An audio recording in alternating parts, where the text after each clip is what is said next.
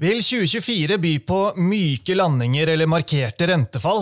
Markedene har i noen måneders tid gått inn i en Ole Brumm-modus, hvor de sier ja takk, begge deler. Kan vi få servert en så hyggelig cocktail, eller ligger det an til en kalddusj enten for økonomien eller rentesensitive risikoaktiva? Og hva med det geopolitiske bakteppet midt oppi alt uh, dette? Dette her og mer til skal vi diskutere i dagens episode, hvor fokuset vil ligge på den forventede utviklingen til verdensøkonomien. Makroanalytikerne i DNB Markets er nemlig ute med ferske anslag i halvårsrapporten Økonomiske utsikter.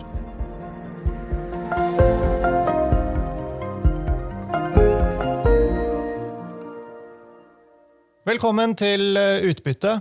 DNB-podkasten der vi forklarer hva som skjer i den globale økonomien og finansmarkedene.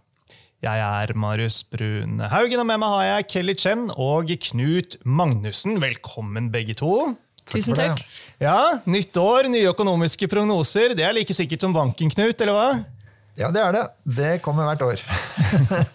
Har det vært eh, mye tøffe diskusjoner og analyser eh, denne gangen, eller var det mm, ganske rett fram å komme fram til anslagene? Jeg syns det har vært mindre harde eh, diskusjoner denne gangen. Definitivt. Jeg tror vi ble ganske fort enige. og den viktigste grunn til det er nok at vi ikke har gjort de helt store endringene heller siden forrige gang. Ja, Så da ble det enklere. Ja, og spørsmålet da, Har sentralbankene klart dette kunststykket å balansere tilnærmet perfekt, uh, som gjør at det nå ligger til rette for rentekutt og myk landing? Altså, det er jo det store spørsmålet på mange måter. Hvordan vil du si at utsiktene er for de vestlige økonomiene? Jo, vi er eh, optimistiske vi i den sammenhengen der. Vi tror at uh, dette kan bli myke landinger, både i USA og i Europa. Selv om vi tidligere har ventet at det skulle bli resesjoner, så har vi forlatt uh, den tanken. Og tror at sentralbankene greier å oppnå det de gjerne ønsker, nemlig å kjøle økonomien litt ned uten at det blir et markert tilbakeslag med økende arbeidsledighet. Mm og rentekuttene som eh, mange venter. Eh, vi skal komme tilbake til det etter hvert, men eh, de kommer i en eller annen form. Vi tror de kommer, definitivt, fordi inflasjonen har kommet så mye ned. Men vi tror nok sentralbankene vil være forsiktigere enn det mange nå ser for seg. Mm. Hvordan er utsiktene for de fremvoksende økonomiene? da, Kelly? De er også ganske gode. Vi anslår jo at veksten skal være nær 4% i hele perioden fremover. Og når renten rentene der ute i vestlige økonomier eh, faller eller blir kuttet, så gjør det det også mulig for eh, sentralbankene i fremvoksende økonomier å gi mer eh, ekspansiv pengepolitikk. Så det mm. hjelper. I hvilken grad vil Kina da bidra positivt til veksten framover?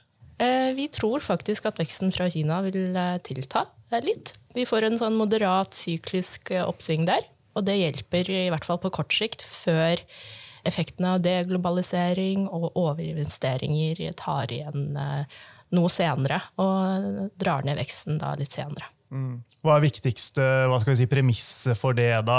Jeg legger til grunn at uh, de største utfordringene for boligsektoren for eksempel, i Kina er, er, over? Ja, vi tror at uh, takten i hvor raskt boliginvesteringene faller, den er på vei opp. Altså, det er fremdeles en sektor som blir mindre, men den faller ikke like raskt mer. Mm. EU, Knut, eh, du var litt inne på det.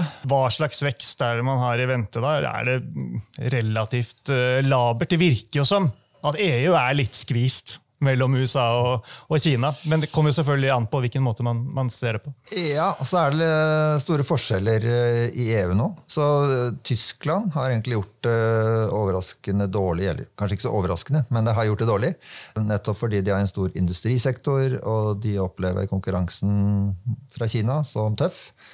Mens andre land i eurosonen har egentlig gjort det ganske bra. Og samlet sett så har det gått bedre enn vi fryktet. og prognosene våre for 2024 er eh, godt over konsensus, så vi ligger rundt 1,5% på mm. eurosonen. Ja, Det er interessant. Men eh, når det gjelder industrien, som du var inne på, altså Kelly, det er klart, EU eh, e har jo man har jo en utfordring i hele Europa i forhold til energitilgang og, og det som har skjedd i forhold til uh, Russland de siste årene. og Det, det forsvinner jo ikke på 1, 2, 3, ser det ut som heller. Nei, nei det, man ser jo særlig for gassintensiv industri at du har en annen konkurransesituasjon nå for europeiske selskap enn før. krigen i Ukraina. Men det store bildet, Knut. Hva er forskjellen på DNBs hus sin og konsensus? Sånn i grove trekk. Grove trekk så er vi mer øh, optimistiske. Vi har høyere vekstanslag, både USA, eurosonen, Storbritannia i år. Og da snakker jeg om øh, fra ja, rundt en halv prosent til en hel prosent for eurosonen. Så det er en signifikant uh, forskjell der, uh, som, uh, vi, som, vi, begrunner først og fremst i at vi tror husholdningssektoren vil gjøre det bedre fremover. Og grunnen til det er at inflasjonen kommer ned, og lønnsveksten den kommer ikke så fort ned. Så det blir en bedre kjøpekraftutvikling nå enn det vi har hatt de siste to årene, hvor kjøpekraften har falt. Så Det er det viktigste argumentet. Og i tillegg så har jo renteoppgangen slått veldig lite ut, kan vi si, eller forsiktig ut. Og det tror vi skyldes først og fremst at i Europa spesielt, men også i USA, har man veldig lang rentebinding på boliglånene sine. Og dermed så har man vært godt beskytta på en måte for den renteoppgangen som vi har hatt. Mm. Ja, nei, Vi får uh, ta litt mer om uh, disse rentene. Altså, uh, Når og hvor raskt vil sentralbanken Fed sette rentene ned? Ja, Når det gjelder Fed, så tror vi første kutt kommer i juni. Det er en prognose vi har hatt for så vidt ganske lenge. Men så har vi justert litt på ECB, e så vi tror de også begynner i juni. Og så har vi justert litt på Riksbanken, så de også begynner i juni. Mens Bank of England, der har vi første kutt i mai. Så omtrent samtidig, egentlig, på alle disse sentralbankene. Og vi tror dermed at de drøyer en stund til. Selv om inflasjonen har kommet en del ned, så tror vi at de vil uh, gjerne se at det kommer enda lenger ned. At de blir enda mer overbevist om at de faktisk har fått til det de ønsker, nemlig å få inflasjonen godt ned mot målet før de begynner å kutte. Og så tror vi i tillegg at de kutter litt forsiktig, at de setter ned renten på annethvert møte fra, fra, den første kuttet. Da. Eh, og eh, egentlig eh, en god stund fremover. Og den forsiktige rentenedgangen det tenker vi er eh, fornuftig når økonomiene går ganske greit. Hvis økonomien hadde bremset kraftig opp, hadde blitt eh, mer fare for resesjon, tilbakeslag og økt ledighet, ja, da ville de speede opp tempo. Mm. Eller kutte eh, i større skritt. Nå tror vi det kommer bare kvartinger. Ja. Og, Hvis vi ser på USA og hva som har vært forventningene i uh, markedet, er det rundt 5,3 rentekutt eller noe sånt man venter uh, nå skal komme fra uh, Fed? altså my Mye mer enn det dere legger til, til grunn for inneværende år, og hva, ja. og hva, også Fed selv har indikert gjennom dette dot-plottet. Altså, er det da fordi at markedet priser inn en viss sannsynlighet for en hard landing istedenfor en myk landing? Ja, jeg tror jo det. Jeg eh, tenker at det må være en del av premisset som markedsaktørene tenker seg her. og det er jo egentlig ikke så rart, fordi veldig ofte tidligere, når Fed har satt renten mye opp, så har det endt med knall og fall. Og eh, det er mange indikatorer som fortsatt peker i den retningen, f.eks. rentekurven. Så jeg tror det er det som ligger der, men vi tror ikke det kommer til å utspille seg på den måten denne gangen. Vi tror det er eh, en annen situasjon nå, og dermed så kan Fed eh, ta det mer med ro og følge dette dot-plottet som de har lagt opp til, med, med, tre kutt i år. Det er det vi nå har i våre prognoser. Mm. Men hva, hva, blir konsekvensene da for ja, for finansmarkedet eksempel, altså vil den amerikanske tiårsrenten i et sånt scenario vil den holde seg rundt uh, 4 uh, der hvor den er i, i dag? Ja, vi tenker egentlig at den, eh, Nå har den jo begynt å stige litt i det siste, og det har eh, nok hatt sammenheng med nettopp at markedet har måttet bite i seg litt av disse veldig optimistiske rentekuttforventningene. Og vi tror at de må bite i seg mer av det eh, hvis vi får rett, mm. tilsier enda mer oppgang i de lange rentene igjen. Eh, men man må huske på at de falt jo voldsomt mot slutten av fjoråret. Så der er det nok litt å gå på. Så vi, vi tror egentlig først vi får en fase hvor eh, de korrigerer mer opp. Og så begynner de antagelig å falle igjen eh, når eh, sentralbankene kommer i ordentlig gang med rentenedgangen. Men generelt, uh, ting går såpass bra i den amerikanske eh, økonomien at uh, legger til grunn at den vil klare seg sånn tålelig bra også, også, dette året. Ja, vi, eh, vi har en, eh, si, en, dump i veien. Vi har en, eh, en, viss oppbremsing i prognosene våre i første halvår i år. Men ikke så mye at det er snakk om noe fall i aktiviteten. Og så tror vi det tar seg gradvis opp igjen etter hvert som rentene kommer ned og, og, og økonomien da går bedre. Mm. USAs budsjettunderskudd og stadig voksende gjeld det har vært et litt sånn, ikke evigvarende tema, men tema over eh, mange år. Er det noe grunn til noe som tyder på at det kan få eh, hva skal vi si, eh, større konsekvenser enn normalt i år? Nei, egentlig, egentlig, så tror jeg ikke det. Altså, nå er vi jo på siste året til, før, før presidentvalg. og og, sånt, og, og, det betyr at Biden han har ikke noe, egentlig noe særlig styringsrom eh, igjen. Han har jo ikke flertallet i, eh, i, begge kamre lenger, som han mistet under mellomvalget. Så, sånn sett så rusler og går det videre der. På, det går sin skjeve gang, eh, han har sagt. Eh, de gjør ikke noen store nye bevilgninger, men det går jo, underskuddet er jo der. og det, Sånn er, har det som regel vært i USA. og Det betyr at gjelden trekker videre oppover. Det har vært mer bekymring rundt det nå, i og med at eh, rentene har kommet opp. Men så har likevel eh, Treasury liksom vridd eh, litt av lånene sine mot mer korte papirer, og, og, sitter kanskje også og venter litt på at de lange rentene skal komme ned, at dette skal gå, gå litt greiere. Så det virker ikke som markedet er så veldig bekymret for, for denne utviklingen akkurat nå. I hvert fall. Neida. Og så føler jeg jeg må jo nesten spørre, da, selv om altså, enten man spør dere eller uh, konsensus uh, eller andre, så de fleste eh, heller jo til at rentene de skal eh, kuttes. Altså i en eller annen form. Og så får man heller se hvor mye og hvor raskt. Men hva er risikoen for at vi kommer i en situasjon hvor det ja, nærmest ikke blir noe eh, rentekutt. At man uh, må skyve på det inn i neste år. Eller at uh, det bare ja, det blir et kutt, og så, og så, må man stoppe det. Jeg det, er det ikke tema? Jo, det er jo selvfølgelig et, en mulighet. Det skal man ikke utelukke. Men det er knyttet veldig til inflasjonsutviklingen, vil jeg si. Ja. Fordi at inflasjonen har kommet såpass mye ned igjen. Husk på at Den har kommet mye lenger ned i USA Eh, og dels i Europa også enn her hjemme. Så, så, så, vi, så vi, snakker jo om nå at inflasjonen begynner liksom å krype ned på, ned på totall igjen, faktisk, i USA. Og det har vært såpass mange måneder med veldig gunstig inflasjonsutvikling at uh, det blir jo vanskelig for en sentralbank å liksom sitte og holde på en rente som, er, som, som de har på 5,5% og så sier de at normalrenta, eller nøytrale renta, er 2,5 og at de da skal fortsette å holde på den 5,5 når inflasjonen nesten er tilbake på målet. Og de har en målsetting også om at de skal uh, ha, ha, vekst i sysselsettingen. Så, så, så, tror jeg at de må justere seg noe nedover. Men så klart, hvis inflasjonen plutselig skal begynne å overraske veldig og trekke oppover igjen, og det kan man jo selvfølgelig ikke utelukke, man så jo hvor, hvor raskt de gikk oppover sist, Eh, ja, da blir det plutselig en, eh, en, annen skål. Og særlig når økonomien da samtidig går bra, så er det jo ikke noe eh, grunn til Fed å, å, senke, egentlig. Mm. Men det amerikanske arbeidsmarkedet det, det, det, skal ikke på noen måte knekke, men det skal eh, kjøles ned? Ja, og det har, det har allerede kjølt seg ganske mye ned, vil jeg si antall ledige stillinger og sånt har kommet godt ned, og veksten i sysselsettingen har roet seg klart ned. Den ligger sånn rundt sånn 150 200 000 i måneden. og mye av det drives faktisk av offentlige jobber og jobber i helsesektoren. Hvis du skreller bort det òg, så er det ikke så veldig mye fart igjen i, i jobbskapingen i USA. Så det, det, har roet seg eh, veldig ned. Mm.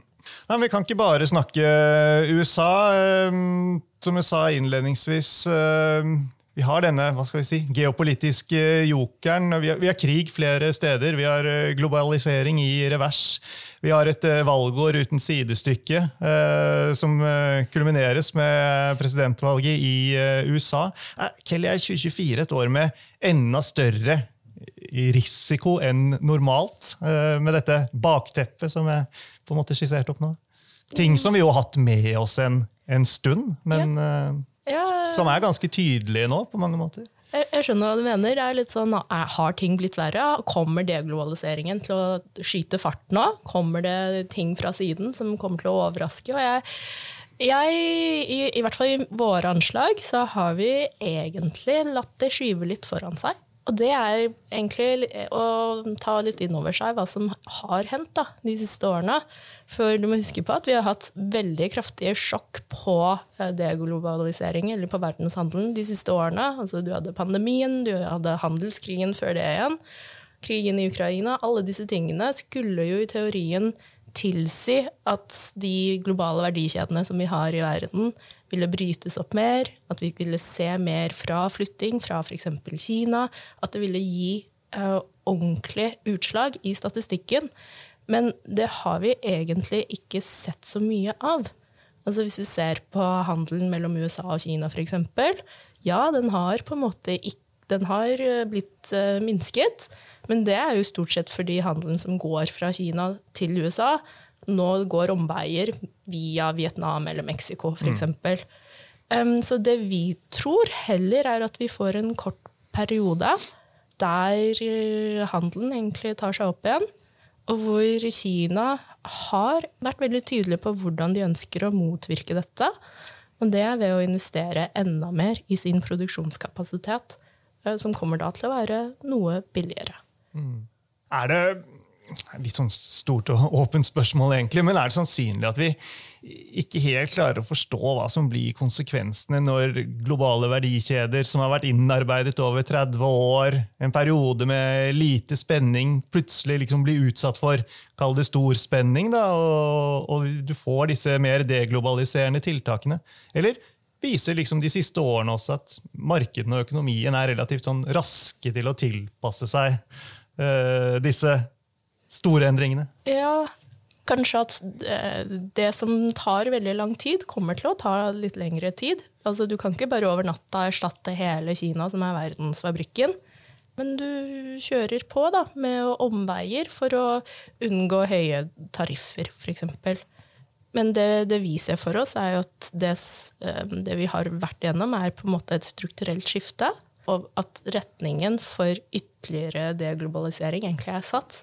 Spørsmålet nå er litt sånn hvor lang tid tar det før effektene slår inn i, i, i økonomien? Og dette er jo kjempeusikkert, men som vi har sett nå de siste årene, er jo at ting tar tid. Mm. Um, og det er det som vi også har lagt inn i våre anslag.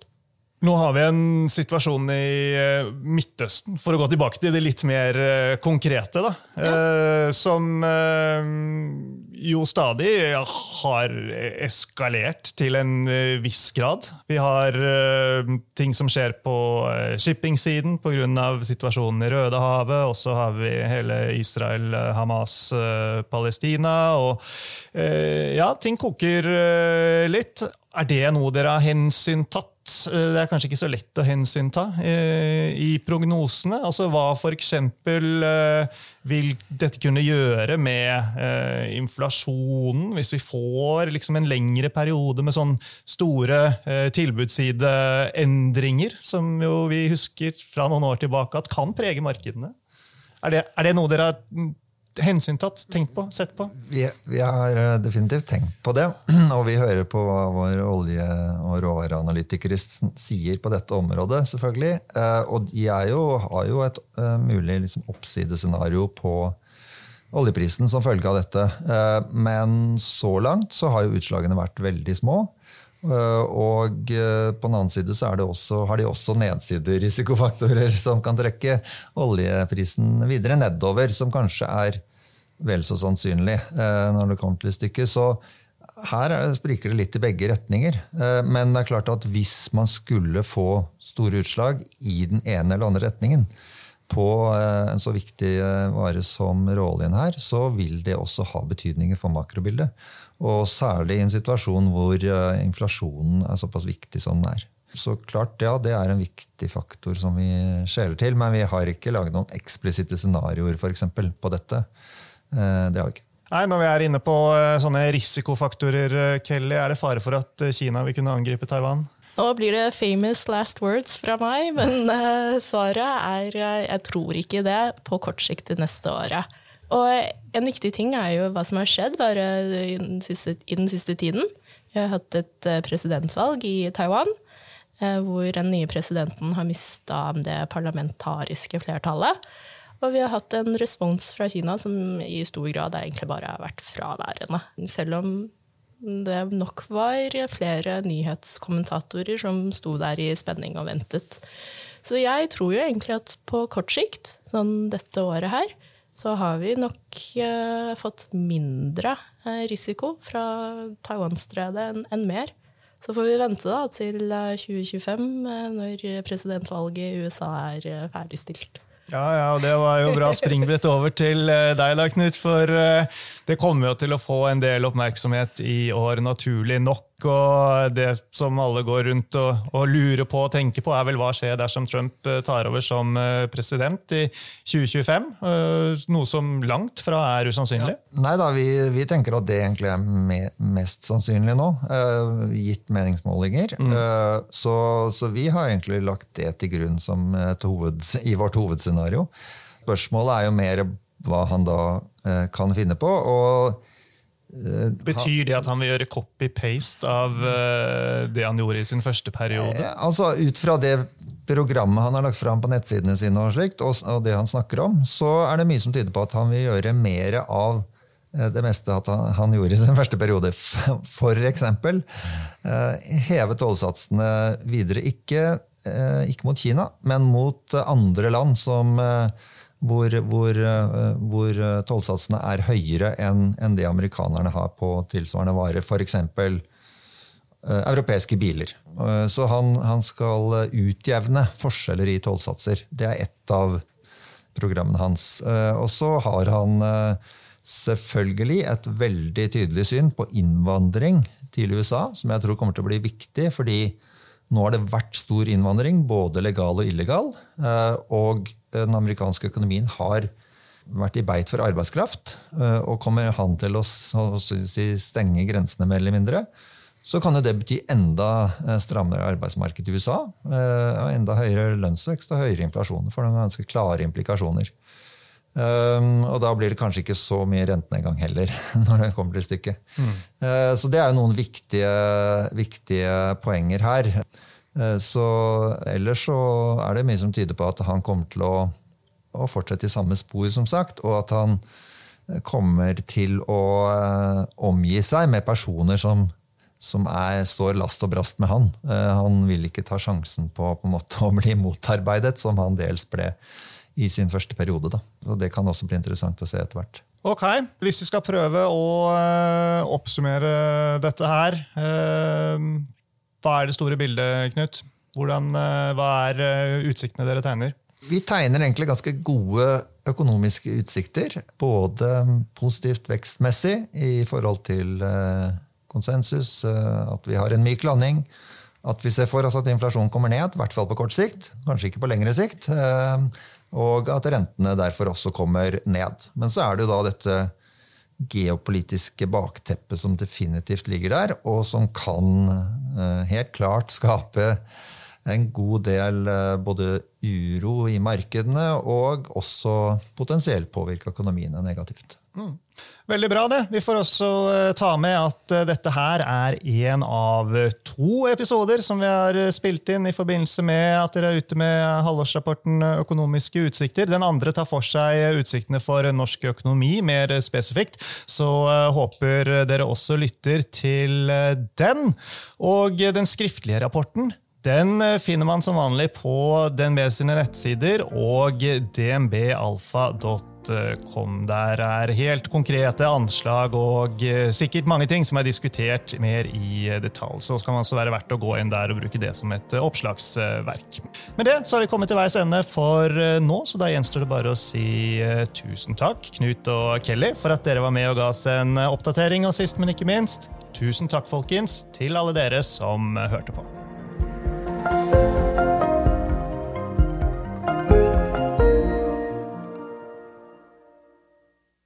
Denne sendingen ble publisert i podkasten Utbytte.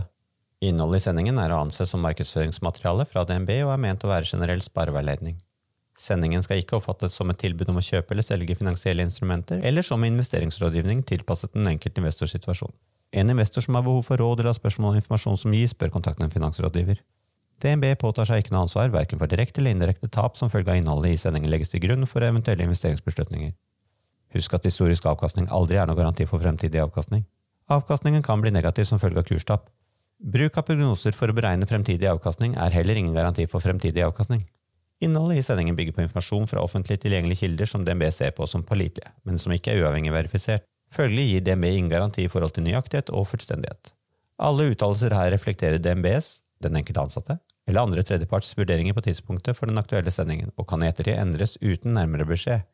Ytterligere informasjon om bl.a. kildebruk og interessekonflikter er tilgjengelig på dnb.no skråstrek invest disclaimer.